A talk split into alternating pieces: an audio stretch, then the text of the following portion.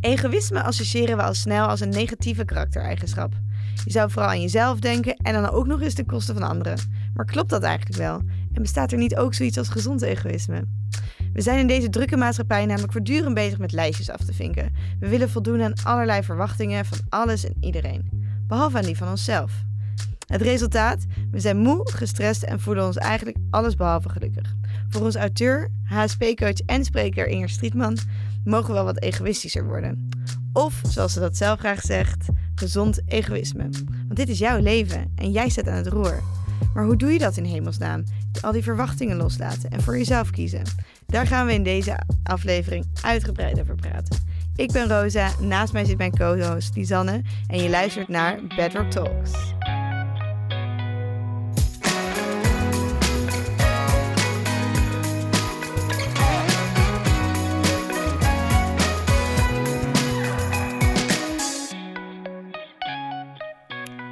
Ik denk dat het zo goed is dat wij het hier vandaag over gaan hebben. Want ik denk dat er heel veel mensen moeite hebben met het centraal stellen van zichzelf in hun eigen leven.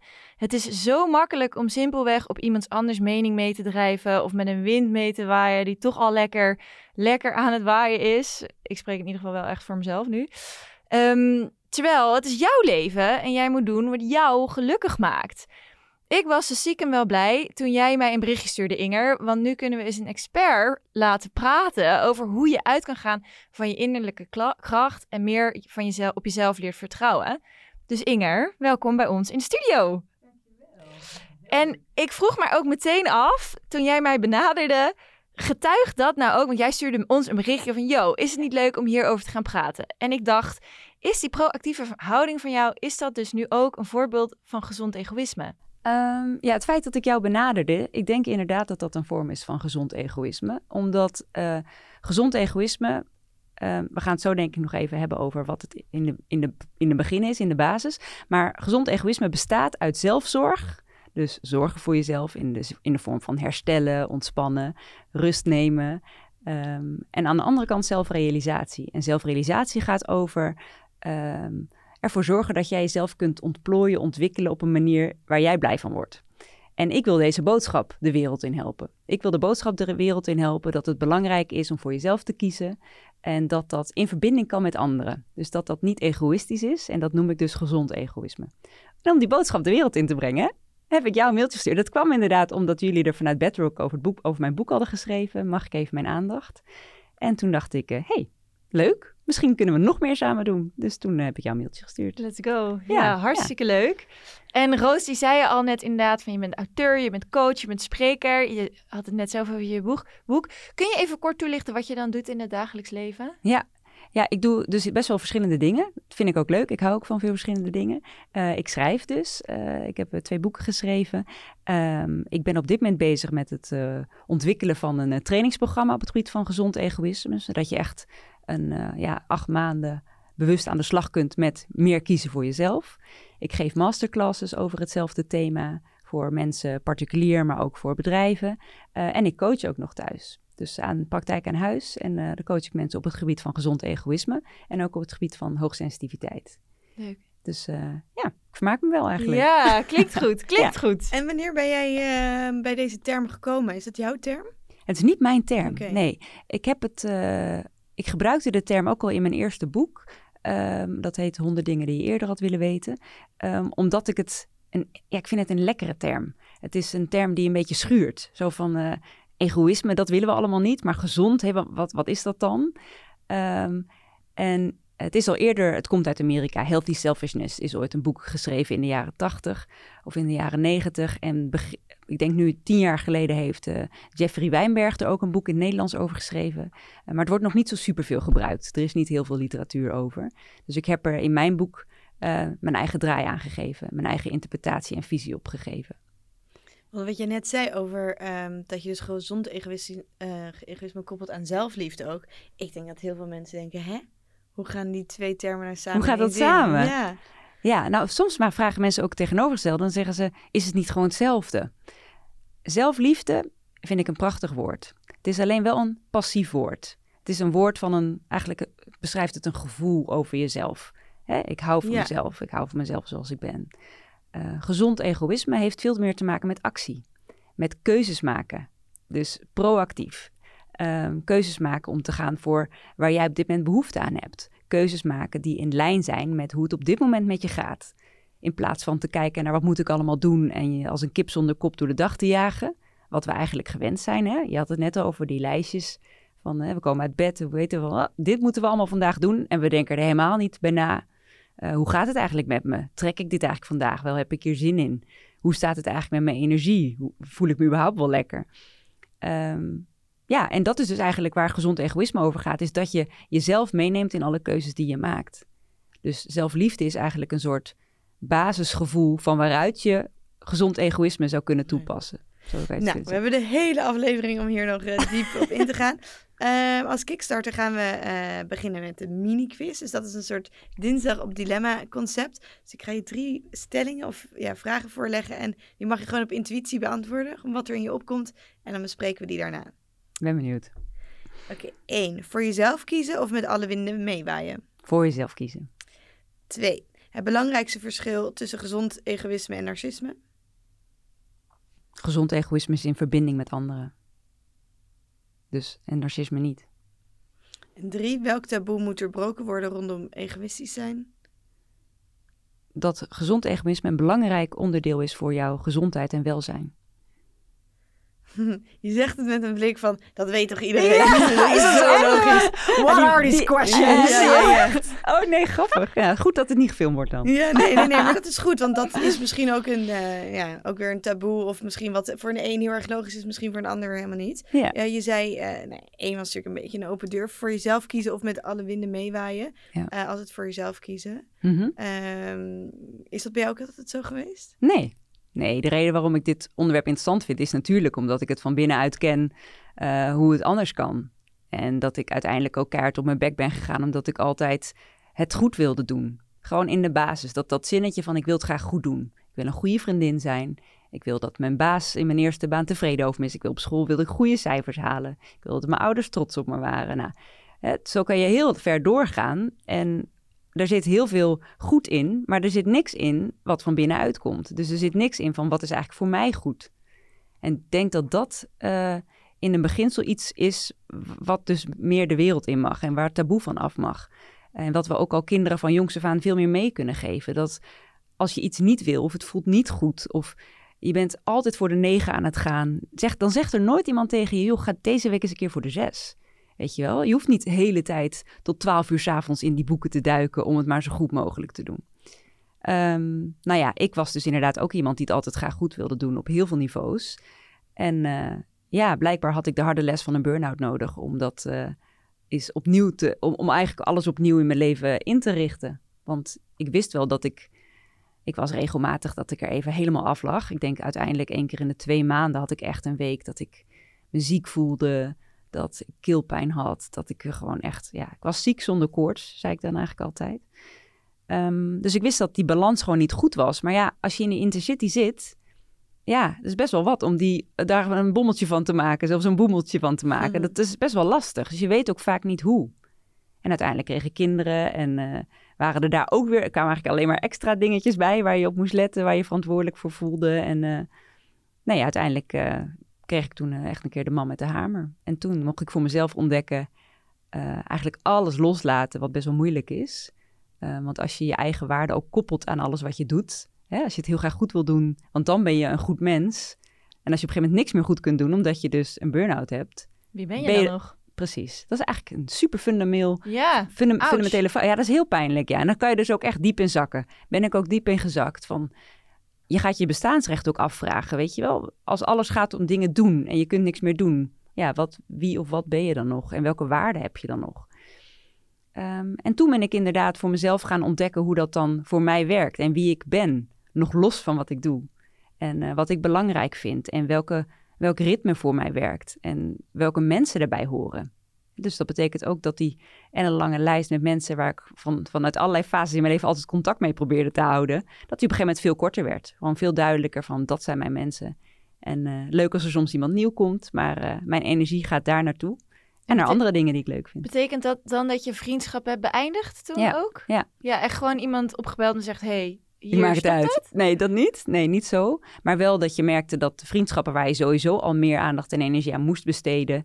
Eh, omdat mensen wat verder weg woonden. Of omdat je voelde van hm, dat je gewoon minder enthousiast. Ik voelde me ook altijd verplicht om dan weer te zeggen van. eh, oh ja, we moeten weer afspreken. Of oh ja, ik zou nog bij je terugkomen. En dat eigenlijk allemaal een beetje meer richting dood laten bloeden. Ja. En dan op een gegeven moment komt er dan ook soms een gesprek van... joh, ik merk dat je niet meer zo eh, eh, aangehaakt bent. Of zeg je, nee, dat is ook zo. Ik, heb, ik moet gewoon keuzes maken. En ik, ik, ik moet mijn leven inrichten op een manier die voor mij goed is. En ik merk gewoon dat ik gewoon een andere balans moet vinden. Dus ja, dit is even wat het is. Ja. En jij moest dat dus ook echt gewoon vanwege je gezondheid. Je trok het niet meer. Nee. En aan het begin is dat dus eigenlijk het makkelijkst. Want als je Ja. niks meer trekt, kan je zeggen... ik ben ziek, ik spreek met niemand af. Maar als je weer wat beter wordt... dat op een gegeven moment klopt dat gelukkig eh, natuurlijk ook... Dan, dan gaan de mensen denken van... oh, ze is er weer. Oh, ze spreekt wel met die af. En hoezo niet met mij? Dus dan heb je wel dat soort gesprekken soms, ja. Dat Ja. is best lastig. Ja, dat kan ik me Ja. voorstellen. Maar het hoort er ook wel bij. Want dat is dus wel zoiets van met alle winden meewaaien... of voor jezelf kiezen. Als je alle vrienden die je in je leven hebt gemaakt... allemaal eh, in, die vriendschap in leven wil houden... kost dat zo ontzettend veel tijd en Het energie... kan niet gewoon. Nee, dat kan gewoon Nee. niet. Dus, en dan word je zelf ook daar heb je er ook geen zin meer in. Hm. Ik had wel eens, had ik gewoon een hele week met alleen maar leuke dingen. Maar doordat er zo vol stond met alleen maar leuke dingen, vond ik het al geen leuke week. Ja, Dus je moet, ja, je moet gewoon keuzes maken. ja. Roos, Ja. even benieuwd hè. Je hebt altijd druk leven. Ik weet dat je het altijd nu probeert iets in te dammen. Denk jij dat je altijd voor jezelf kiest of met vrienden meewaait ook wel eens? Om het zo maar te Ehm, ik denk wel heel erg dat ik voor mezelf kies. Ik, Ja. ik sta hier ook wel echt heel erg zo in. Ik denk ook wel dat... ehm, nou, het is volgens mij is heel gezond als sommige vriendschappen voor een tijd zijn en ook weer verwateren. Want ja, uiteindelijk is het toch heel erg belangrijk dat je energie krijgt van de mensen om je heen en tijd voor jezelf en voor de dingen die je belangrijk vindt. Ehm, nee, dus ik heb ook heel veel vriendschappen wel bewust een beetje laten verwateren. En ik vind het ook heel leuk als er ruimte is, misschien weer voor nieuwe mensen in je leven die op dit moment heel erg bij mij passen. En ja, natuurlijk een aantal oude vriendschappen die ik ook heel erg belangrijk vind. Dus natuurlijk, je, je waait wel met winden mee, maar in die end of the day probeer ik altijd wel heel erg bij mezelf te blijven van oké, waar word ik blij van? En weet je, wat is echt een moetje of een verplicht iets? En dat doe ik eigenlijk ook gewoon niet. Nou, dat is goed. Nee, dus soms, eh, maar dat zal ik later nog vragen, struggle ik ook wel een beetje. Ja, ben ik dus dan soms te egoïstisch of zo? Mhm. Eh, want dat kan natuurlijk ook zijn. Eh, maar goed, daar hebben we het dan later over. Ja, en, en jij Lies? Hoe is dat voor jou? Eh, ik denk dat ik er steeds beter in word. Ik was echt iemand, ben, echt iemand die het heel belangrijk vindt dat iedereen me aardig vindt en zo. Ehm, dus op een gegeven moment dan tegen iemand zeggen, nou, ik heb hier geen zin meer in. Ehm, ik kies voor mezelf en ik hoef geen vriendschap meer met jou. Dat is iets wat ik echt mega lastig vind en ook echt nooit zou doen. Maar wat jij zegt, van dat, je het, dat ik dan merk van, hm, daar hou ik wat minder energie uit. Dan stop ik daar minder energie in. En als diegene dan, nou ja, dat, ik denk ook dat dat een wisselwerking is. Dat diegene voelt dat dan ook. Dus dan op een gegeven moment. En dan denk ik ook, ja, het, we passen waarschijnlijk nu niet meer zo op elkaars pad. En misschien komen we elkaar over drie jaar weer Ja. tegen. En is het weer Ja, kan ook. helemaal geweldig. Ja. En dan is dat ook hoe het loopt. Een ik denk dat dat, dat, dat is denk ik ook een soort van wat jullie allebei benoemen, de basis. Ik bedoel, het leven verloopt natuurlijk super organisch. Je gaat door allerlei fases heen, je verandert ook, je interesses veranderen, je behoeftes veranderen. Dus natuurlijk, ja, dan voelt het als een soort geforceerd dat je... eh, je moet, ja, krampachtig moet. ja, precies. was, Wat, er- en die zijn misschien helemaal een andere Ja. kant op ge- gegaan. En dan op een gegeven moment voel je ook gewoon, oh, dit gaat schuren, dit voelt gewoon niet meer lekker. En inderdaad, het kan ook absoluut van twee kanten komen natuurlijk. Dat is natuurlijk heel vaak zo. Als dat niet zo is, dan heb je soms wel ja, even zo'n momentje dat je denkt, ja, nu moeten we even gaan lunchen en daar moet ik wel iets gaan zeggen. Maar dan nog zou ik het nooit persoonlijk maken. Het is gewoon, ik moet mijn balans opnieuw opmaken. Ja, en het is gewoon even anders dan het eerst was. Ja, ik kan er niet heel veel meer van maken. Ja, Ik kan me voorstellen dat het voor een ander ook fijn is om te weten. ja die wil ook, die heeft behoefte aan duidelijkheid, denk ik. Dus ik vind de manier waarop jij eh, dit zo zegt, denk ik, ja, mocht iemand nu denken, ach, ik heb een vriendschap waarvan ik eigenlijk denk, ik zou het moeten vertellen, dan Mhm. is dit een goede manier om het bij iemand te droppen in plaats van te zeggen, ja, ik heb eigenlijk niet meer een behoefte aan jou als vriend. Nee, nee. maar. En er zit ook, ik denk dat het heel belangrijk is dat je het vanuit respect voor, voor allebei doet. Respect voor jezelf, maar ook naar respect voor de ander. En als je dat hebt over dat, eh, dat spiritueel narcisme, waar je net al even over eh, begon in die vragen, eh, dan gaat het heel erg over. Ik ben eigenlijk verheven boven jou. Terwijl dat is helemaal niet zo. We zijn gewoon allebei gelijkwaardig aan elkaar. Alleen het kan zijn inderdaad dat je gewoon net wat minder meer matcht met elkaar. Ja. Dus dat kan je eigenlijk een hele goede harmonie kun je dat, zou je dat moeten kunnen bespreken. Ook al is het spannend. En dat bedoel, dat is ook gewoon zo. Het is Ja. gewoon spannend. Ja. Brengt ons bij vraag de tweede stelling. Het, het belangrijkste verschil tussen gezond egoïsme en narcisme. Nou, je benoemde het net al eventjes. Kan je het nog een keer herhalen? Eh, ja, nou, narcisme gaat, over, gaat alleen maar over ik en wat goed is voor mij. Ehm, en als je het hebt over spiritueel narcisme, waar de laatste tijd natuurlijk heel veel over geschreven wordt, dat is juist vanuit die zelfontwikkelingshoek mensen zich eigenlijk eh, vinden dat ze zichzelf zo ontwikkelen dat ze zich bijna een soort van verheven voelen boven, boven de massa, boven de maatschappij. Die zweven er een soort van zelfmade of zelfbenoemde goeroes eigenlijk, zou je kunnen denken. Ja, dat vind ik, dat is gewoon eng. Ik bedoel, dat, dat, en gezond egoïsme gaat over in verbinding zijn met jezelf en daardoor ook in een prettige verbinding zijn met anderen. Maar misschien ervaren zij dat ook zo. De spiritueel narcisten of de narcisten. Ja, het lastige natuurlijk bij werkelijke narcisten is, is dat die zichzelf nooit narcistisch zullen noemen. Nee. Dus het is de omgeving eigenlijk die benoemt van je hebt kenmerken van narcisme of die dat niet Ja. benoemt en zijn conclusies daaruit trekt. En dat je dan dus inderdaad zo'n gesprekje hebt zoals we het net over hadden van misschien eh, is het goed om eh, elkaar wat minder te zien. Ehm, maar narcisme gaat inderdaad over het jezelf fantastisch vinden en vanuit daar je leven leven. Terwijl gezond egoïsme is eigenlijk een, een term die heel relevant is voor mensen die in het dagelijks leven juist snel in de please-stand schieten. Die juist heel veel met anderen rekening houden. Die juist heel graag in harmonie met anderen willen Ja. leven. En, en, en een goed meisje of een goed jongetje willen zijn. Hè? Niet de braafste misschien van de klas, maar wel degene die iedereen aardig vindt en leuk is.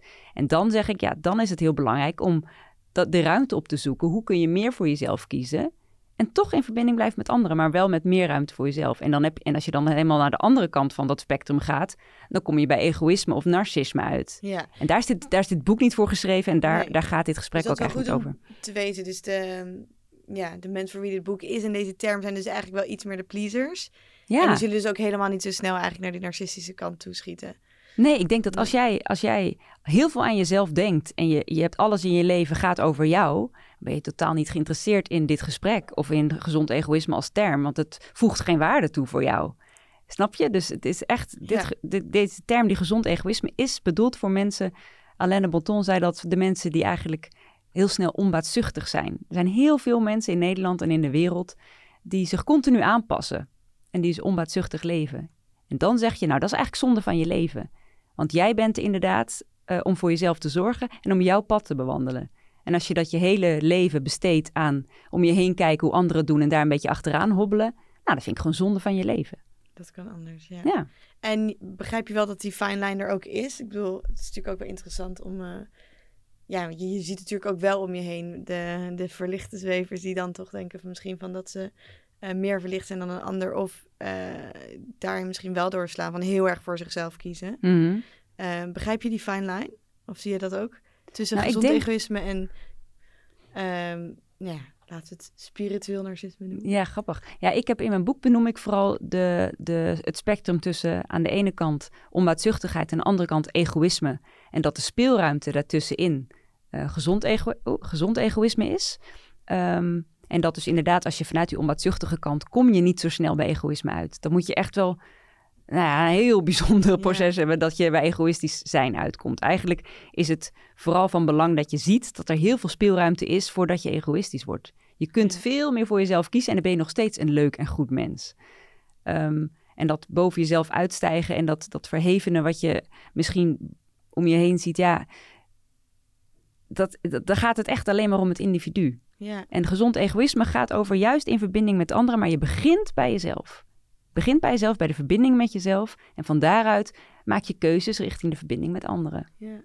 En dat is misschien ook wel meteen het hele taboe, dus dat dat egoïsme dus slecht zou zijn. Ja. Dus dat is ook wel mooi. Nou ja, egoïsme aan zich betekent dat je eh, voor jezelf kiest ten koste van anderen. Dus gezond egoïsme is wel een, eh, staat daar wel tegenover. Ja. Want je kiest niet voor jezelf ten koste van anderen. Eh, je gaat ook niet over lijken om voor jezelf te gaan, helemaal niet.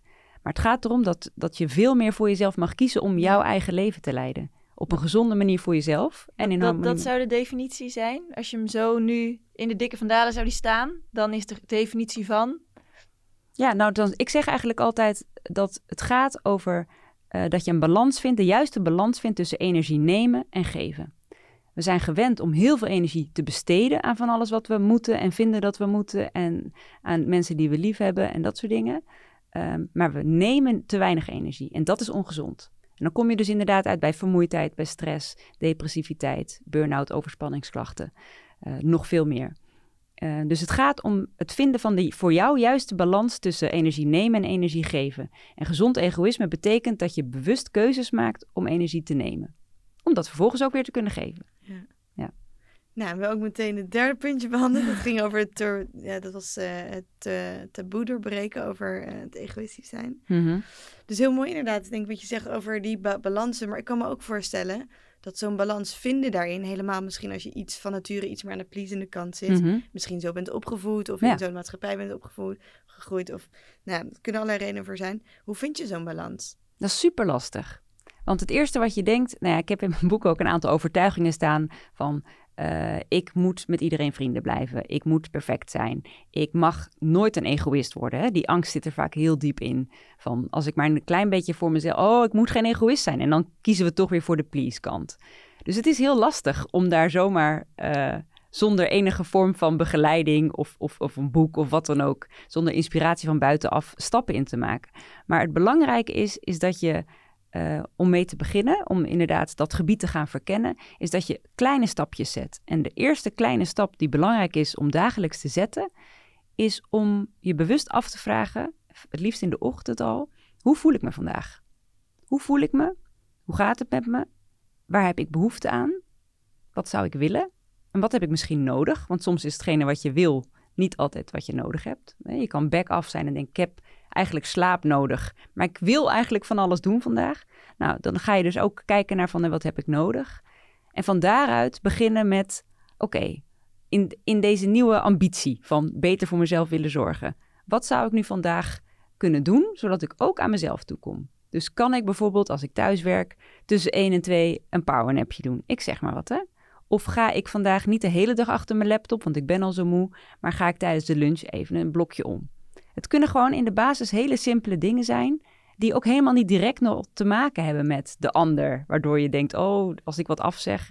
Maar ook inderdaad gewoon een keer gewoon experimenteren. Dat is eigenlijk waar het boek ook heel erg over gaat. Is gewoon kleine stapjes zetten en experimenteren um, in je relatie, in vriendschappen. Met kleine dingetjes van, hey, vind je het goed om onze afspraak naar volgende week te verplaatsen? Uh, dat zou me beter uitkomen. Nou, fantastisch. Ben je hartstikke goed bezig. Als je vandaag een half uurtje vindt om tijd aan jezelf te besteden, wat je normaal niet had gedaan, top, hartstikke goed bezig. Het gaat om beginnen met kleine stapjes. En gewoon dichter bij jezelf blijven. Dus eigenlijk dat wat is je de echt essentie. nodig hebt. Ja. ja. En dan kan ik me ook voorstellen als mensen dus van jou gewend zijn om je heen. Van nou Inger die is altijd op tijd. Die is er altijd dinsdag om weet ik veel zoiets. Mhm. En als jij dan ineens zegt van ja eigenlijk deze week gaat me dat niet lukken. Mhm. Dan kan ik me ook voorstellen als je dat dus voor het eerst gaat doen met als een pleasende basis eh, vanuit jezelf. Mhm. Dat mensen misschien zeggen van ja maar hoezo niet? Ja, Van hoezo niet? En dat, dat, dat, dat de omgeving daar misschien ook aan moet wennen. zeker. Dat maakt het misschien nog een extra uitdaging. Zeker. En, en wat, waar ik altijd een voorstander van ben, is om heel eerlijk te zijn. Dus niet, eh, oké, ik ga nu appen, ik ben er deze week niet bij. Doei. Weet je wel, dat kan je doen. Maar je kunt ook zeggen, jongens, ik merk dat ik heel erg moe ben.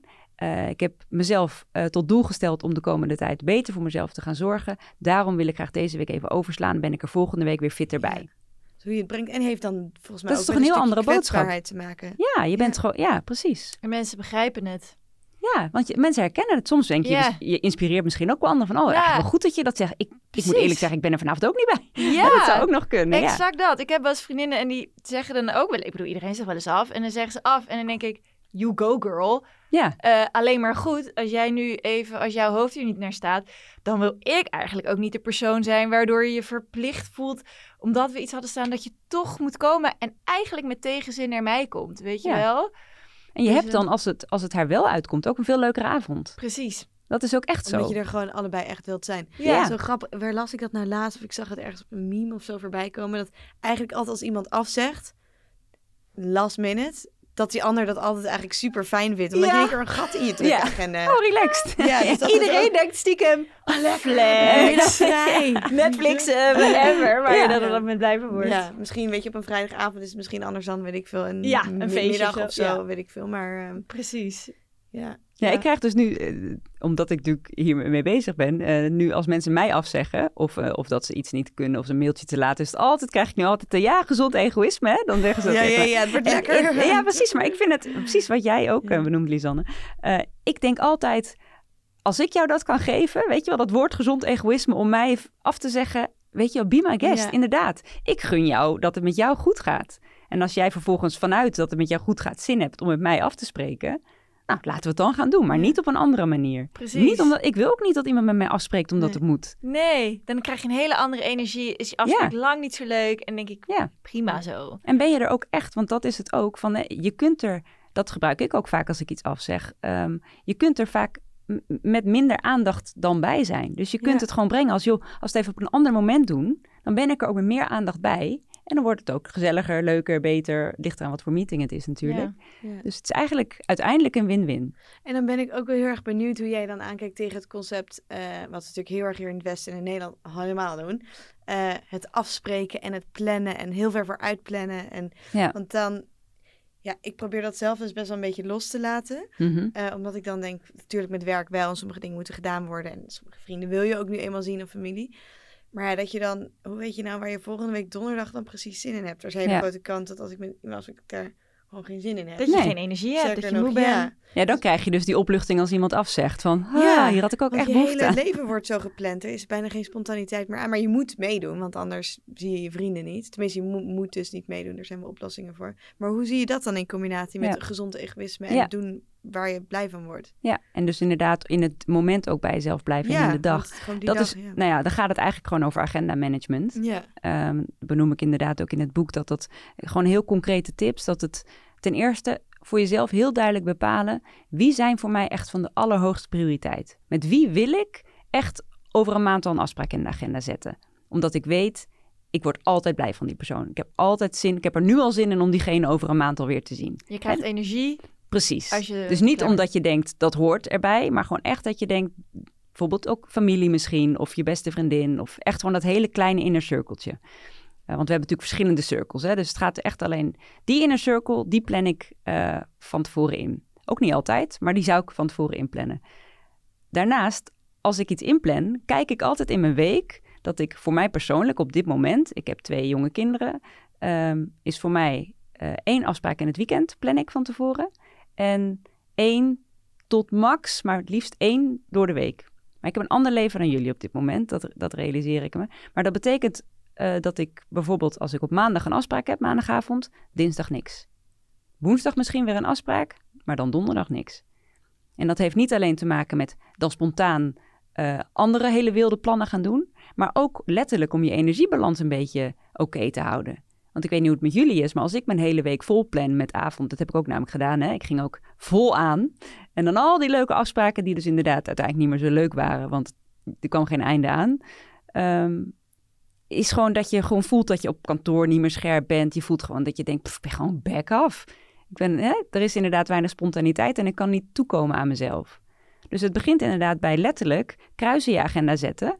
Ook al op Vrijhouden. afstand, vrij houden. Het is Hm. gewoon afspraak met jezelf. En dat is eigenlijk heel krom. We zetten de afspraken met anderen wel in onze agenda. Maar afspraken met onszelf, dat is altijd een kliekje. Van wat er toevallig overblijft. Of Ja. wat, dus Of zet die ook in je agenda. is of een ander, ja, precies. Ja. Dus zet die afspraken met jezelf in je agenda. En dan hoef je niet te gaan sporten, want dan wordt het weer een moedje. En dan hoef je niet per se, maar dan mag je gewoon vrij te besteden. Ja. Ja. Ja, precies. En je, je had het net, hadden we het ook eventjes over zelfliefde, haalde je aan. En zelfliefde gaat meer, is meer passief en gezond egoïsme meer actief. Mhm. Maar hoe weerhoudt zelfvertrouwen en zelfverzekerdheid zich eigenlijk met, met de term? Mhm. Want ook dat is, je, je, voor mijn gevoel moet je ook echt, echt wel zelfverzekerd in je schoenen staan. Om misschien dan te kunnen zeggen, ja, ik kan ook voor mezelf kiezen. Ja, nou, het zijn altijd, inderdaad, er zijn natuurlijk heel veel termen in die hoek van liefdevol met jezelf omgaan. Waarvan je denkt, hè, hoe verhoudt dat? Ik snap je vraag. Ehm, zelfvertrouwen gaat over vertrouwen hebben in jezelf. Dus vertrouwen hebben dat je eh, misschien een goed hart hebt. Eh, vertrouwen hebben in dat je een goede interviewer bent in een podcast, bijvoorbeeld. Hè? Dat je vertrouwen hebt op een bepaalde competenties die je hebt of wat voor type mens dat je bent. Vertrouwen kan je helpen als je inderdaad vertrouwen hebt van ik ben sowieso een goed mens. Dat is niet afhankelijk van hoe ik omga met eh, afspraken afzeggen, want dan blijf ik nog steeds een goed mens. Dan helpt dat natuurlijk als je dat basisvertrouwen heel erg hebt. Ik denk dat het gemiddeld gezien in Nederland met diep zelfvertrouwen niet mega goed gesteld is. Ik denk inderdaad, omdat we, en dat, zo worden we ook opgevoed, hè, worden opgevoed met het goed willen doen op school, het goed willen doen voor de ander. Ehm, dus dat, het, uh, dat dat basisvertrouwen, dat het daar soms wat aan schort, dat maakt het ook extra lastig. Want dan komen die schuldgevoelens natuurlijk des te sneller om de hoek kijken. Dus ik denk dat dat een proces is wat in elkaar gehaakt kan worden. Van ik, ik vind, hè, dus dat is ook een beetje rationeel. Ik vind dat ik het recht heb om mijn leven op mijn manier te leiden. Ik wil dat ook doen. Het is ook belangrijk voor mijn gezondheid. Dat weet ik allemaal. Maar oh mijn god, ik vind het super spannend. Want dat betekent dat ik die afspraak voor morgen, die ik al vier weken geleden heb afgesproken. met die vriendin die me gisteren nog appte dat ze er zoveel zin in heeft. dat ik dat, uh, dat, ik dat nu wel moet gaan doen. Uh, en heb je dan, voel je dan heel veel zelfvertrouwen van ja, dit kan ik doen? Nee, dan heb je gewoon buikpijn. Ja, en dan is het. En je, je krijgt steeds meer zelfvertrouwen als je iets vaker doet en weet, dit is goed voor me. Ik kan, het, ik kan met die vriendin op een ander moment nog afspreken, als dat er eentje is die je niet wil laten doodbloeden tenminste. Um, dus daar, ja, dat is eigenlijk met alles in het leven. Als je dingen gaat doen waar je nog niet veel vertrouwen in hebt, maar dat wel stapje voor stapje vaker gaat doen, dan krijg je daar ook weer meer vertrouwen van. Ja. Dus ik denk dat dat elkaar helpt, zeg ja. maar. Logisch. En je had het net ook eventjes over, we krijgen het allemaal als kind aangeleerd. Stel, nou ja, jij bent moeder, of stel Mhm. je bent nou eh, net een moeder en je kan je kind dit soort dingen aanleren. Zijn er dan bepaalde dingen die, waarvan je zeggen, vaders, moeders, dit is hoe je je kind kan helpen om gezond egoïstischer te zijn? Hmm. Uh, ja, ik denk op heel veel verschillende niveaus. Ten eerste um, vind ik dat je als ouders echt. Um, als ouders heb je heel erg het gevoel, je wil alles doen voor je kind. Je wilt het zo goed mogelijk doen. We zetten ze op allerlei clubjes. Ze mogen zich op alle niveaus ontwikkelen. Nou, wat ik zelf als ouder heel fijn vind, is om mijn kinderen de kans te geven om zich te vervelen. Namelijk gewoon, waar heb ik eigenlijk zin in? Ook verveel me. En dan ook zelf maar eens te bedenken, wat kun je zelf? In plaats van, we gaan naar de speeltuin, we gaan een ijsje halen. Maar ook dat als ik voor mezelf kies waar zij bij zijn. Dus als ik zeg, uh, jongens, uh, want ik doe die momentjes van even tot mezelf komen ook gewoon meer op de dag. Dan ben ik uh, met mijn kinderen, is iedereen helemaal hyper de pieper. Dan denk ik op een gegeven moment, mijn bek af, moet even tot mezelf komen. En dan ga ik even mediteren. Dat klinkt misschien egoïstisch, want ik, hè, ik ben dan niet bij mijn kinderen, kan ze niet alles geven. Maar ik laat hun zien dat mijn zelfzorg voor mij belangrijk is. En daarmee laat ik hun zien dat dat dus ook dat zij dat ook mogen doen. Zij mogen ook zeggen van nee, dat is niet goed voor mij of ik heb hier geen zin in. Of... Want je legt het dan ook even uit. Ja. Dus mam is even ik ga eventjes, of ja. iets even te veel. En hetzelfde is een weekendje weg met mijn vriend bijvoorbeeld plannen. Dat vind ik natuurlijk niet leuk, want we willen gewoon liefst niet uitlogeren. Die willen gewoon liefst thuis blijven. Maar de relatie van papa mam is ook belangrijk. Dus weet je wel, dat er keuzes zijn, dat je ook keuzes maakt voor jezelf die voor een ander. Dat is ook, ik denk dat dat rolmodelstuk... Um, we denken vaak in dat we ze dus alles moeten geven en er altijd moeten zijn. Maar juist ook voor jezelf kiezen is heel belangrijk. Kinderen willen jou kopiëren. Dus dan hoop je dat je ze dat op een goede manier kunt meegeven. En uh, ja, daarnaast eh, leg ik bijvoorbeeld niet heel veel nadruk op rapporten. Ik weet wel dat er op het schoolplein dan soms komen beide ouders op het schoolplein om het kind op te halen met het rapport. Van, oh, oh ja. dit is een bijzonder moment. Ja. Oh, dan denk ik, oh nee, het was bij mij wel eens tegenovergesteld. Dat, dat, dat mijn dochter na drie dagen zei, je hebt nog steeds mijn rapport niet gelezen. Dat ik denk, oh shit, ik moet even dat rapport bekijken, want ze is er ook trots op. Dat is hartstikke goed. En dan uh, ben ik er ook, weet je, dan kan ik ook leuk met haar over babbelen. Maar het gaat, het gaat er gewoon om, weet je, wat doe je een beetje je best? Heb je het naar je zin? Uh, ga je leuk met andere kinderen om? Uh, ja, daar gaat het om. En dat vind je natuurlijk niet vaak in een rapport. Rapport zijn vaak de CITO-resultaten en wat kwalitatieve dingen nog erbij. Dus uh, ja, dat zijn voorbeelden. En inderdaad, ik die week dus vooral niet vol plannen voor die kinderen. Ook lekker veel laten spelen. En, uh, en zie je dat dan ja. een beetje terug bij je kinderen? Ik weet niet hoe nou, ze hebben ja. 8 en 10 zijn ja, ze. Okay, ja. Ja. Um, ja, nou, ik merk bijvoorbeeld wel dat ze heel eerlijk zijn. En dat vind ik sowieso bij kinderen wel mooi om te zien. Dat ze veel meer in zich hebben dat ze, als iemand vraagt, zullen we spelen? Dat ze dan soms zeggen nee. Maar bijvoorbeeld wel naar een andere kind zeggen ja. Ja, je Vind kan ik heel zoveel voorbeeld nemen aan kinderen. Echt? Ze staan veel dichter bij zichzelf. Echt, ja. En dan zeg ik ook, want dat benoem ik dan dus ook. Wat goed dat je dat eerlijk hebt gezegd. En soms zegt ze ook, nee, ik ben moe, ik wil gewoon vanmiddag bij jou zijn. Dan zeg ik, hartstikke goed. Dus niet alleen het laten gebeuren, maar ook complimenteren van... super, weet je wel, dat mag je ook zeggen. En uh, als je een keer niet naar voetbaltraining wil, omdat je er echt de balen van hebt... Nou, dan mag je ook best een keertje overslaan. Het is toch niet van dat gedril, zeg maar, van het Dat alles moet, moet. En ja. eh, je hebt het afgesproken, dus het moet doorgaan. Ja, er zit echt wel veel meer ruimte ook tussen, ook voor kinderen. Ik denk dat dat belangrijk is om ze mee te geven, ja. Ja, leuk. Een lang En antwoord, hè? net- ja, nee, maar interessant. Je zegt net ook eh, van je hebt het afgesproken, dus het moet doorgaan. Eh, ja, dat is ook, vind ik, iets heel Nederlands. Dat afspraak is afspraak. Ja. Merk je dan ook wel eens dat mensen nu hebben, als ze dan met je afspreken, nou, er is wel een hele grote kans dat het niet doorgaat, dat ze er geen zin in heeft. Nee, bij mij is het dus eerder dat als ik een afspraak met je maak, dan weet je dus dat ik het leuk vind. Kijk. Want ik maak niet zo heel snel een afspraak. Hm. Tenminste, het is niet dat ik door de week... Ik heb best wel veel afspraken in de week staan. Maar ik maak elke, elke afspraak die ik heb... is bewust is bewuste keus. omdat het goed voelt voor Ja, jou. dus ja. ik maak geen afspraken van ik waai met alle middelen mee... en dan ga ik op het laatste moment iedereen weer afbellen. Nee, Ja. dat lijkt me ook heel vermoeiend. Nee. En merk je dan ook dat het aanstekelijk al werkt in jouw omgeving? Als jij zo eigenlijk dicht bij jezelf leeft. Nou, mensen kunnen dus bij mij... en dat is niet alleen door dat boek, maar überhaupt... eh zij weten wel dat ik het supergoed begrijp. Dus je, als je enigszins twijfelt... Oh, ik ben wel heel moe, ik weet niet of we vandaag gaat werken... Ja, weet je, plannen we een nieuwe datum. Prima. Dus dat voelt voor mijn gevoel, en ik hoop dat ook. Ik denk ook dat het zo is. Het is laagdrempelig om mij af te zeggen, omdat ik gewoon heel goed begrijp dat er andere dingen ook heel belangrijk zijn. Ja. Dus dat is net als dat sommige mensen heel, heel heftig kunnen reageren als je een verjaardag vergeet. Ja, dat denk ik echt. Ik weet niet. Volgens mij hang je associaties aan zo'n moment op die helemaal niet bij die verjaardag horen. Nee. Weet je wel, ik hou van jou, ik, ik, ik ben er als je me nodig hebt. En sorry, die datum op de kalender, ik heb er even niet naar gekeken, weet je wel. Daar, zo klein is het. Ik denk dat het gewoon belangrijk is dat je, dat, ze- dat je weet dat je er op de belangrijke momenten voor elkaar bent. Ja. Oh, grappig. Ik vind, ik vind dat dus met verjaardagen. Dan kan ik echt denken, oh my god. En als iemand dan een, een dag later zegt, ah fuck, gisteren vergeten, denk ik, ja, dat snap ik. Weet je wel? Maar Ja. ik kan dan echt denken, ja, maar die heeft mij niet gefeliciteerd. Oh ja. Hoe kun je dat vergeten? En, Dat wat, en, wat, en wat voor conclusie eh, koppel je daar dan aan? Eh, dat ik niet belangrijk genoeg ben of zo Ja, voor die andere persoon. Ja. Dus misschien eh, heeft het ook te, waar, te maken met een soort eh, dat je denkt, oh, ik had onze vriendschap hoger zitten. Nou, blijkbaar niet. Ja. Of zo, weet je wel? ja. Het ego wordt dan eigenlijk gewoon gekrenkt. Ja, ik denk het. Dus ik vind het heel grappig dat je dit zegt. Omdat ik, ik door heel veel dingen in het verhaal dacht ik... Nou, ik denk dat ik steeds gezonder, egoïstischer ben. Mhm. Maar hier zit nog een eh, werkbaar puntje. Nou, het is wel interessant inderdaad, sowieso in het algemeen hoor. Als je voelt iets van, oh, dat, er- hier word ik echt verdrietig van. Of dit raakt me echt heel diep. Dan heeft het sowieso ook altijd te maken met iets in jezelf. Of ook binnen een ruzie bijvoorbeeld. Als iemand iets zegt en je voelt, oh, dit komt echt heel hard binnen.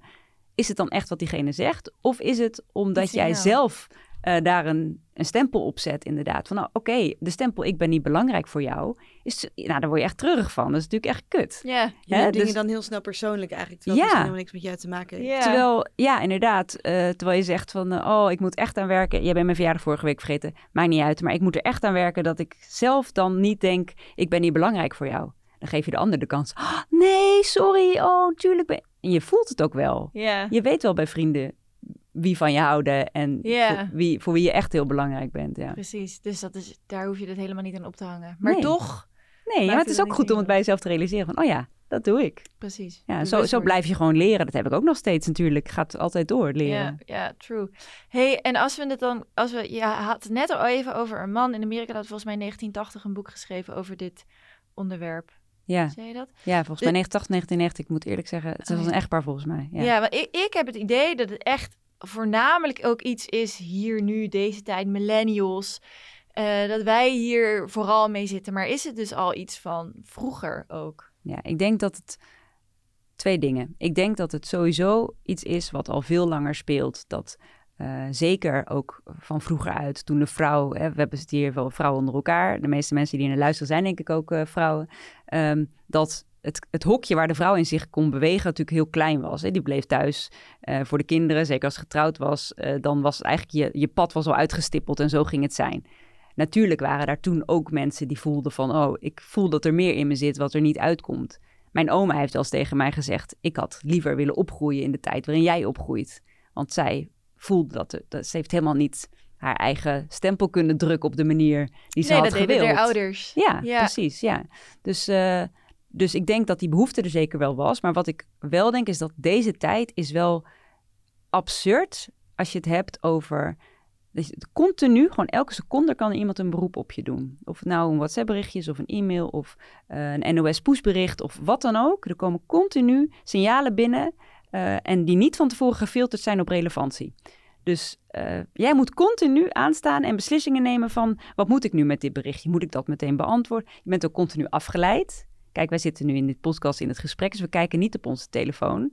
Maar als we in een restaurant hadden gezeten, had je misschien al vijf keer even je telefoon opgepakt om even te kijken wat gebeurt er nog, weet ik veel waar. Of gewoon uit reflex. Uit reflex, oh, ja. Echt verschrikkelijk. Maar dat, er komt zoveel informatie binnen dat het dus, ja, en die harde schijf van ons heeft ook wel een maximum capaciteit wat die kan hebben, zeg maar. Dus continu een beroep, continu erover nadenken. Wat moet ik hier nu mee? Of wat vind ik hiervan? Of schrikken van wat er binnenkomt, wat dan ook.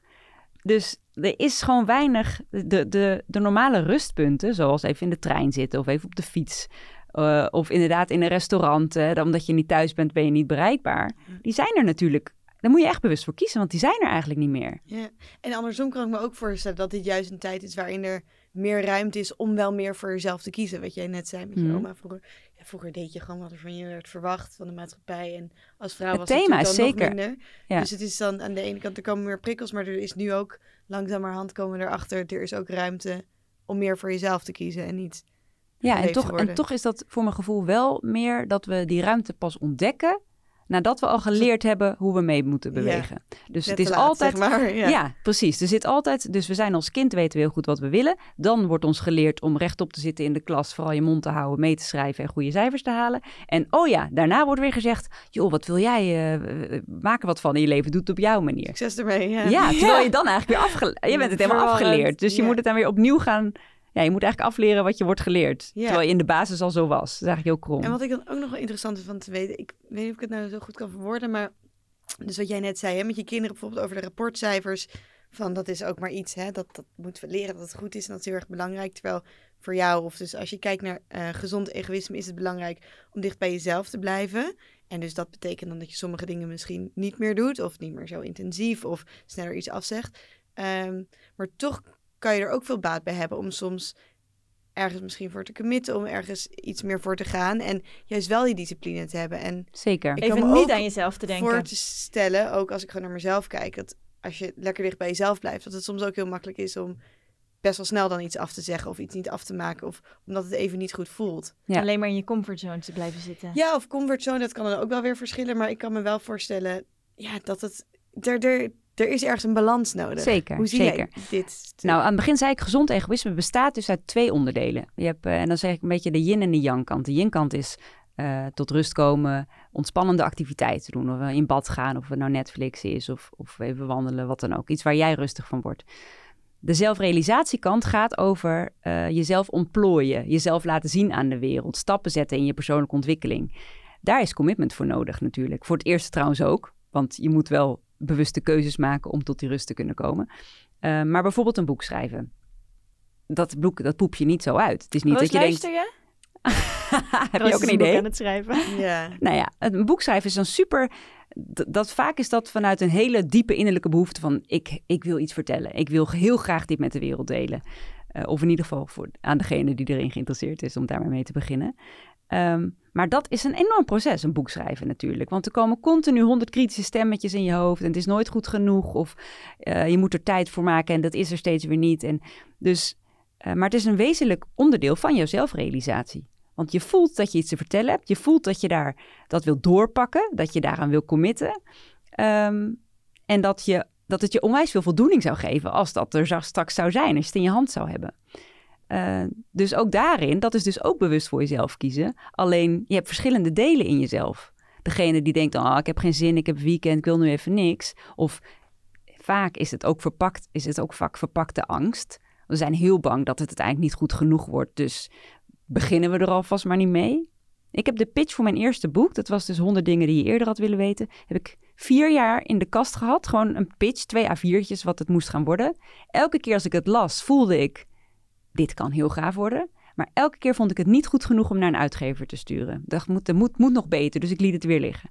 Vier jaar voorbij gegaan, burn-out gehad. Vervolgens toen pas, toen ik echt dacht, nou ik heb niks meer te verliezen, ik gooi die pitch eruit. Toen pas durfde ik het. En toen ging het balletje pas rollen. En wat dan helpt met commitment is als er een uitgeverij nog aan gekoppeld is. En dat je gewoon een datum prikt van dan moet het ingeleverd worden. Want dan is het niet meer zo'n soort zwevend project. Ehm, maar dus die zelfrealisatie, dat betekent ook dat je door je eigen plafonds heen breekt. En ik denk dat iedereen die persoonlijk heeft. Er zijn altijd dingen die we spannend vinden, waarvan we voelen dat we ze eigenlijk wel heel graag willen. Ja, misschien hebben jullie ook al een next level voor in je werk of zo bijvoorbeeld bepaald van ik zou dat nog wel eens willen doen. En dat is niet dat je daar met... Dus er is een soort wezenlijk verschil tussen blijven bij het gevoel waar, uh, bij hetgeen wat je wilt leren of waar je in wil groeien en het gevoel van ik heb nu eigenlijk gewoon geen even geen zin.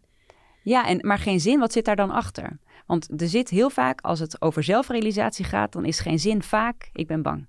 Ik ben bang om te mislukken. Ik ben bang om mezelf te laten zien.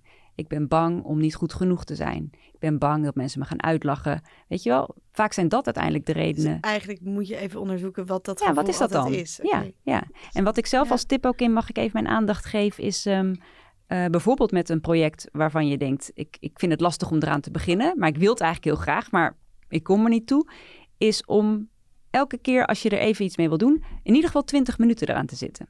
Dus je pakt een eh, kookwekker of gewoon je, je, je, je iPhone, ze- leg je naast je neer. Je zet hem op 20 minuten en je gaat mee aan de slag. En na 20 minuten mag je gewoon stoppen. Want vaak, het begin is het moeilijkst. Als je na 20 minuten zit, je, ben je vaak al met iets bezig. denk je, oh, ik nu ga ik even door. Of nu vind ik het leuk. En als je het niet leuk vindt, hop, stop. Morgen weer 20 minuten. Dus je moet jezelf ook een beetje helpen met wat praktische tips. Kijk. Ja. En daar staat jouw boek vol mee. Daar staat mijn boek vol mee. Ja, het is echt inderdaad een heel praktisch boek geworden, ja. ja. Ja, Lekker. Heb je er nog meer? Die je zo uit je mouw kan schudden. Ook Een paar praktische tips? Ja. Ehm, Hoe doe je dit? eh, z- gezond egoïsme in je leven bedoel je? Ja, hoe pas dus- je het toe? Ja, precies. Nou, één is dus, de eerste is heel belangrijk dat je meerdere momenten op de dag, maar sowieso in de ochtend, incheckt bij jezelf. Even bewust een momentje in stilte, liefst even met je ogen dicht. Doe een mindfulness oefening, doe een kleine meditatie. eh, weet ik veel hoe je het wil, graag op de wc zitten en doe even extra er langer over. eh, om in te checken hoe het met je gaat en wat jij vandaag wil en nodig hebt. Tweede is, wat ik ook al inderdaad benoemde, wees heel bewust, eh, ga heel bewust om met je agenda. Dus wees van alles wat je erin zet bewust, oké, wil ik dit echt? Je kunt ook heel makkelijk zeggen, kom ik nog even bij je op terug. Dat is eigenlijk dus de kruisen zetten in je agenda en bewuste keuzes maken, wat zet ik er wel in? Die kruisen zijn tijd voor jezelf. Punt drie is, wat ik net eigenlijk ook al een beetje aangeef. Als iemand iets aan je vraagt, eh, van zullen we dat afspreken? Of eh, wat vind je hiervan? Of wil je er zoveel geld voor? Wat dan ook, maakt niet uit. Koop altijd tijd. Dus zeg altijd, mag ik hier morgen even bij op terugkomen? Dan kan je even checken van, normaal zeg je uit sociale wenselijkheid of van, oh, dat is prima. Of, oh joh, kom wel goed. Of zeg gewoon, vind je het goed als ik er morgen even op terugkom? Of eind deze week. Dan kan je even landen en voelen van, eh, wil ik dit eigenlijk wel? Vind ik het eigenlijk wel fijn? Past het eigenlijk wel bij deze week of wat dan ook? Ehm, ik zit even te denken wat nog meer. Ja, er zijn heel veel praktische tips. Communiceer is ook een hele belangrijke. Want voor je, aardig egoïstisch zijn, zeg maar, waar je het over had. ja, want, want je kunt wel keuzes voor jezelf maken, maar als je niet eh, laat zien dat je dat vanuit een bepaalde authenticiteit doet en vanuit een zorg voor jezelf, maar alleen maar de harde boodschap levert van nee, nu even niet. Weet je, of eh, ja, ik, ik heb het niet af, sorry, punt. Dan, dan hou je die verbinding niet. Maar je kunt dus vanuit verbinding voor jezelf kiezen. En dan zijn er altijd mensen die het niet begrijpen. Ja, want in de zijn- praktijk is dat soms best lastig. Ja, er zijn altijd, ja. Dat, die zijn er ook. Er zijn altijd mensen die vinden afspraak is afspraak. Eh, je stelt me heel, die ook heel erg de waarde van dat jij iets af, afzegt heel groot maken. Dus eh, ik ben niet belangrijk genoeg voor jou, waar we het net ook over hadden. Of eh, je stelt me teleur. weet je, ik heb ook niemand die echt om me geeft. Of, dan wordt het heel groot voor die persoon. Maar dat is niet jouw verantwoordelijkheid uiteindelijk. Jouw verantwoordelijkheid is om heel eerlijk en dicht bij jezelf te vertellen waarom je de keuze gemaakt hebt. Maar de interpretatie van wat jij zegt en hoe groot die ander dat ontvangt, ja, dat is wel het verhaal wat, die, wat diegene zichzelf eh, eh, vertelt. Als ik op vakantie ben en ik vergeet daardoor de verjaardag van Lisanne, want mijn hele, mijn hele agenda zit helemaal niet meer in mijn hoofd, joh. En als ik terugkom, denk ik opeens, oh shit, Lisanne was jarig, weet je wel. Dan kan ik er niks aan doen dat zij heeft bedacht dat ik haar niet belangrijk vind. Dat is ook niet mijn verantwoordelijkheid. Ik kan wel sorry zeggen, want ik had wel graag eraan willen denken. En wat nou als Lisanne zegt, ik vind het heel fijn als jij, eh, voor, voor mij is een belangrijke Ja. waarde dat jij mij eh, Feliciteer. ja, een bericht stuurt op mijn verjaardag. Ja. Ehm, dan zou je ook kunnen zeggen als goede vriendin, als dat zo zou zijn, van weet je, ik, ik schrijf het op. Of ja, ik, doe extra mijn telefoon. best. Ja, Ja, dat kan. dat, dat zou natuurlijk ook kunnen. Zeker. Dus dat je kijkt van oké, ik sluit je een soort compromis. Nou, niet eens een compromis, dat is eigenlijk helemaal geen leuk En woord. beweeg je een beetje met elkaar mee. Ja. ja. Mm. En dat zou kunnen. En dan zou het nog steeds kunnen zijn dat dat post-itje is weggewaaid. Ja. Toen ik mijn koffer openmaakte en Ja. het, dat heerlijke zeebriesje. Nee, tuurlijk. Het gaat niet om dingen, maar het gaat misschien een Nee, maar om je het kunt gebaar wel. van hoe kom je hier samen uit uiteindelijk. En dat, en dat is ook goed om nog een keer te benoemen, denk ik. Dat we hebben dit hele gesprek omdat we de mensen die dit interessant vinden en die voelen, hier wil ik iets mee. Dat zijn juist de mensen die altijd de agenda mee zouden nemen. En Ja. die het waarschijnlijk niet zouden vergeten. Dus die altijd uit, Ja, zich, of uit zichzelf al. Bij mij ook. Ik, ik ben dus zelf wel eens bang. Ik blijf altijd redelijk dicht bij mijn gevoel. Maar ja, dat resulteert er ook wel eens in dat ik gewoon voor mezelf kies en dan toch niet voor een ander. En ja, soms ben ik ook wel eens bang, ben ik dan te egoïstisch of zo. Dus daarom vind ik het bijvoorbeeld ook weer interessant van, oh ja, van eh, gezond egoïsme, wat is dat? Ik wil ik zou mezelf zeker niet zien als narcistisch, maar wel als iemand die ja, goed naar zijn gevoel luistert, Mhm. zeg maar. Of naar Mhm. het gevoel luistert.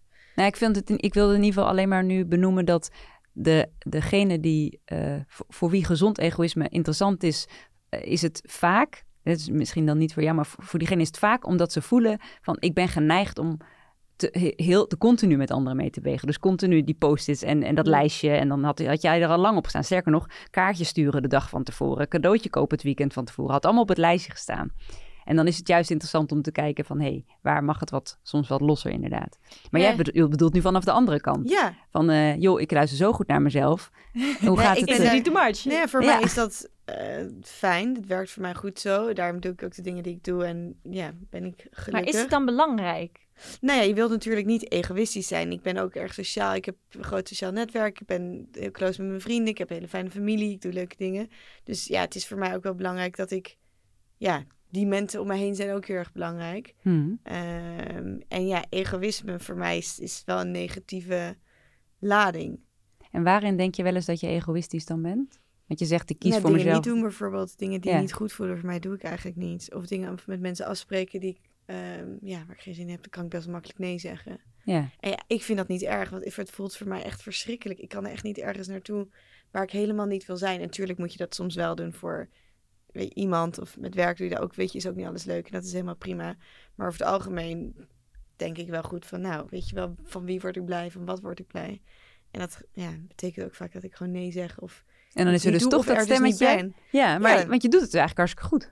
Voor mij wel, ja. Ja. Daarom, ja, maar ik hoor ook wel eens eh, om me heen, of ik heb van week met mijn moeder een discussie over iets. Ja, vond ze iets niet fijn. En ja, ik wilde, voor mij is de afspraak niet, ja, de laatste tijd probeer ik dus dat, dat agenda iets meer los te laten. En voor haar was die afspraak echt een afspraak. En voor mij, ja, als mijn dag anders loopt, dan wil ik dus niet om zes uur dus terug zijn om dan dit, weet je wel. Ja, Ja, ja. goed, en dan is het dus wel belangrijk van, oké, in hoeverre naar je luistergevoel, luister je naar je gevoel Mhm. of kwets je een ander ermee? Mhm. En dat Ja, is en een dat- soort van dilemma van, oké, dat is natuurlijk belangrijk om daarover te communiceren. En Ja, en dat je dus, nou wat wel heel belangrijk is, is dat je dus altijd een keuze hebt. Dus en die keu de keusmogelijkheid ben jij je heel bewust van. Van ik kan dit afzeggen of ik kan zeggen sorry, ik ga het niet redden.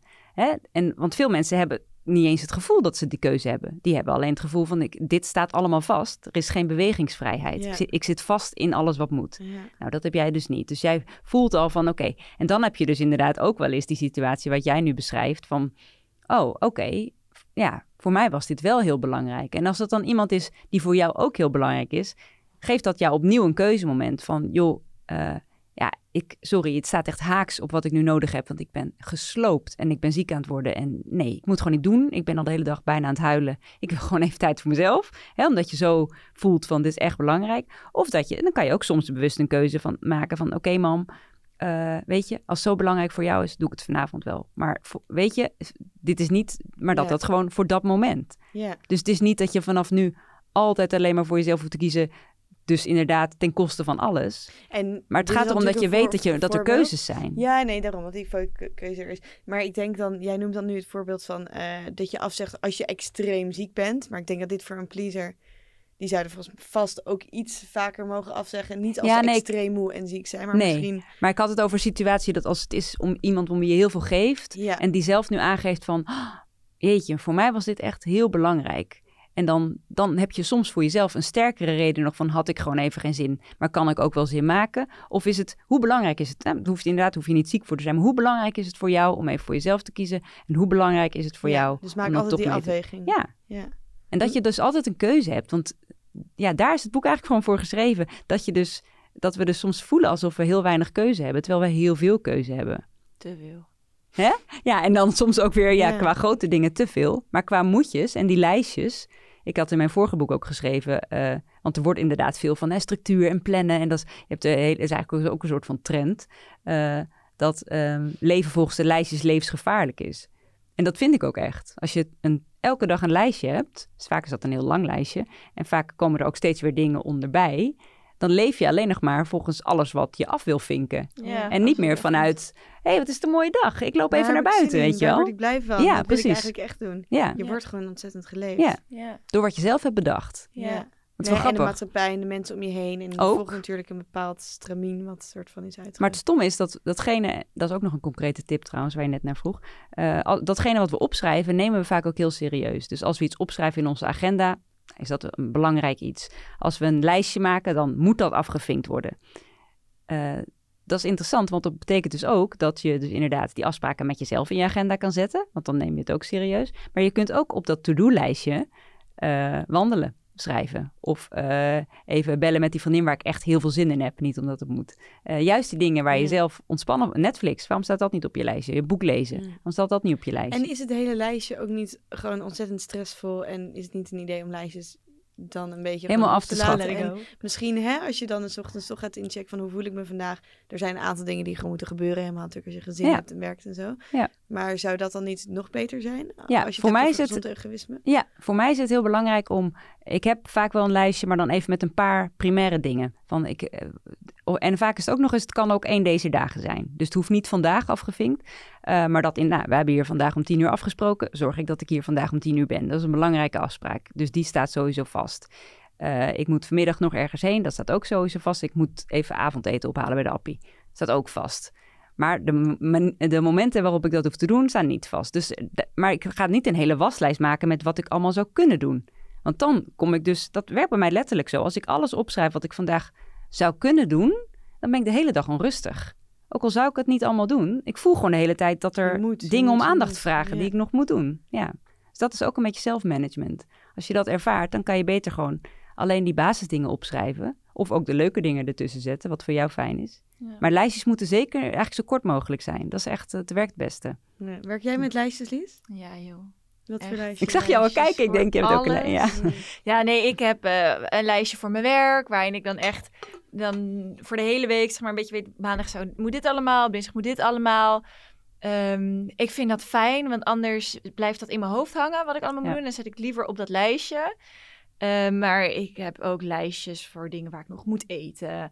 Of eh, een verlanglijstje. Weet je wel, ik heb het hele jaar door een verlanglijstje. En denk ik, oh, dit zou ik wel willen hebben. En dan zet ik het op, het lijstje. En Ja. ja. echt voor alles. En voor vind je het ideeën. Of, Ja, want het is een soort braindump. ja, dat is het ook. Dus ik heb het idee dat mijn lijstjes. Eh, in dit verhaal denk ik, ja, als je geen lijstjespersoon bent, moet je vooral niet met lijstjes gaan werken. Maar voor mij helpt het mij heel erg. En zou het. eh, ja, ik zou het een keer kunnen proberen om alle lijstjes te laten voor wat het is. En kijken of, of Ja. ik dan doodga. Weet je wel? Wat nee, gebeurt ja, er dan? Nee, dat, dat is inderdaad niet zo. Maar zeker, voor mij helpt het ook het overzicht. Dus ik vind het ook fijn om ergens een bepaalde eh, structuur te hebben van... oké, dit moet ik even niet vergeten en inderdaad braindump. Maar wat wel kan helpen bijvoorbeeld, en dat doe ik dus... soms markeer ik dus ook van oké, dit, is, dit is echt belangrijk. Ja. En de rest is optioneel. ja. Want ik weet niet hoe, hoe jij het ervaart... maar als jij het als braindump gebruikt, zijn jouw lijstjes dus ook lang. Lijkt me. ja, maar wel gestructureerd lang.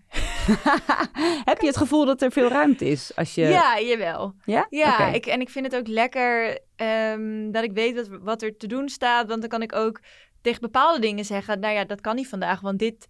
of dit moet dan dus daarheen, want dit komt nu tussendoor. Het biedt me overzicht. Ja. ja, het is altijd een beetje de balans tussen overzicht en vrijheid. Ja, Dat is eigenlijk alles. En, en ik heb ook behoefte aan beide. Want ik hou ook van structuur. En ik vind het ook niet fijn als ik dingen die. Dat je achter de feiten aanloopt, zeg maar. Maar aan de andere kant, als ik er dus te veel opschrijf. dan voel ik me weer gevangen in alles wat moet. Dus het is Ja. continu die balans van. eh, wat werkt voor jou? Ja. En als jij zegt. ik heb geen last van die lijstjes. het helpt me alleen maar. Ik zeg, ga je gang. Maar als ik jou zo hoor, uh, Roos, dan denk ik, ja, nee, voor jou is dat, zou dat uh, Nou, met een aantal, kijk, zijn. de belangrijke dingen natuurlijk, waar ik heb ook werklijstjes Ja. of eh, dingen die ik gewoon voor mijn eigen administratie en zo moet doen. Maar voor de rest probeer ik dat dus wel los te laten. Ja. Ja. Ja, precies. En dat is denk ik precies hoe het, hoe het moet zijn. Dat je gewoon voor jezelf een bewuste keuze maakt, wat werkt voor mij. In plaats van, het hoort, je hoort het zo te doen, dus doe ik het zo. Ja. Ja.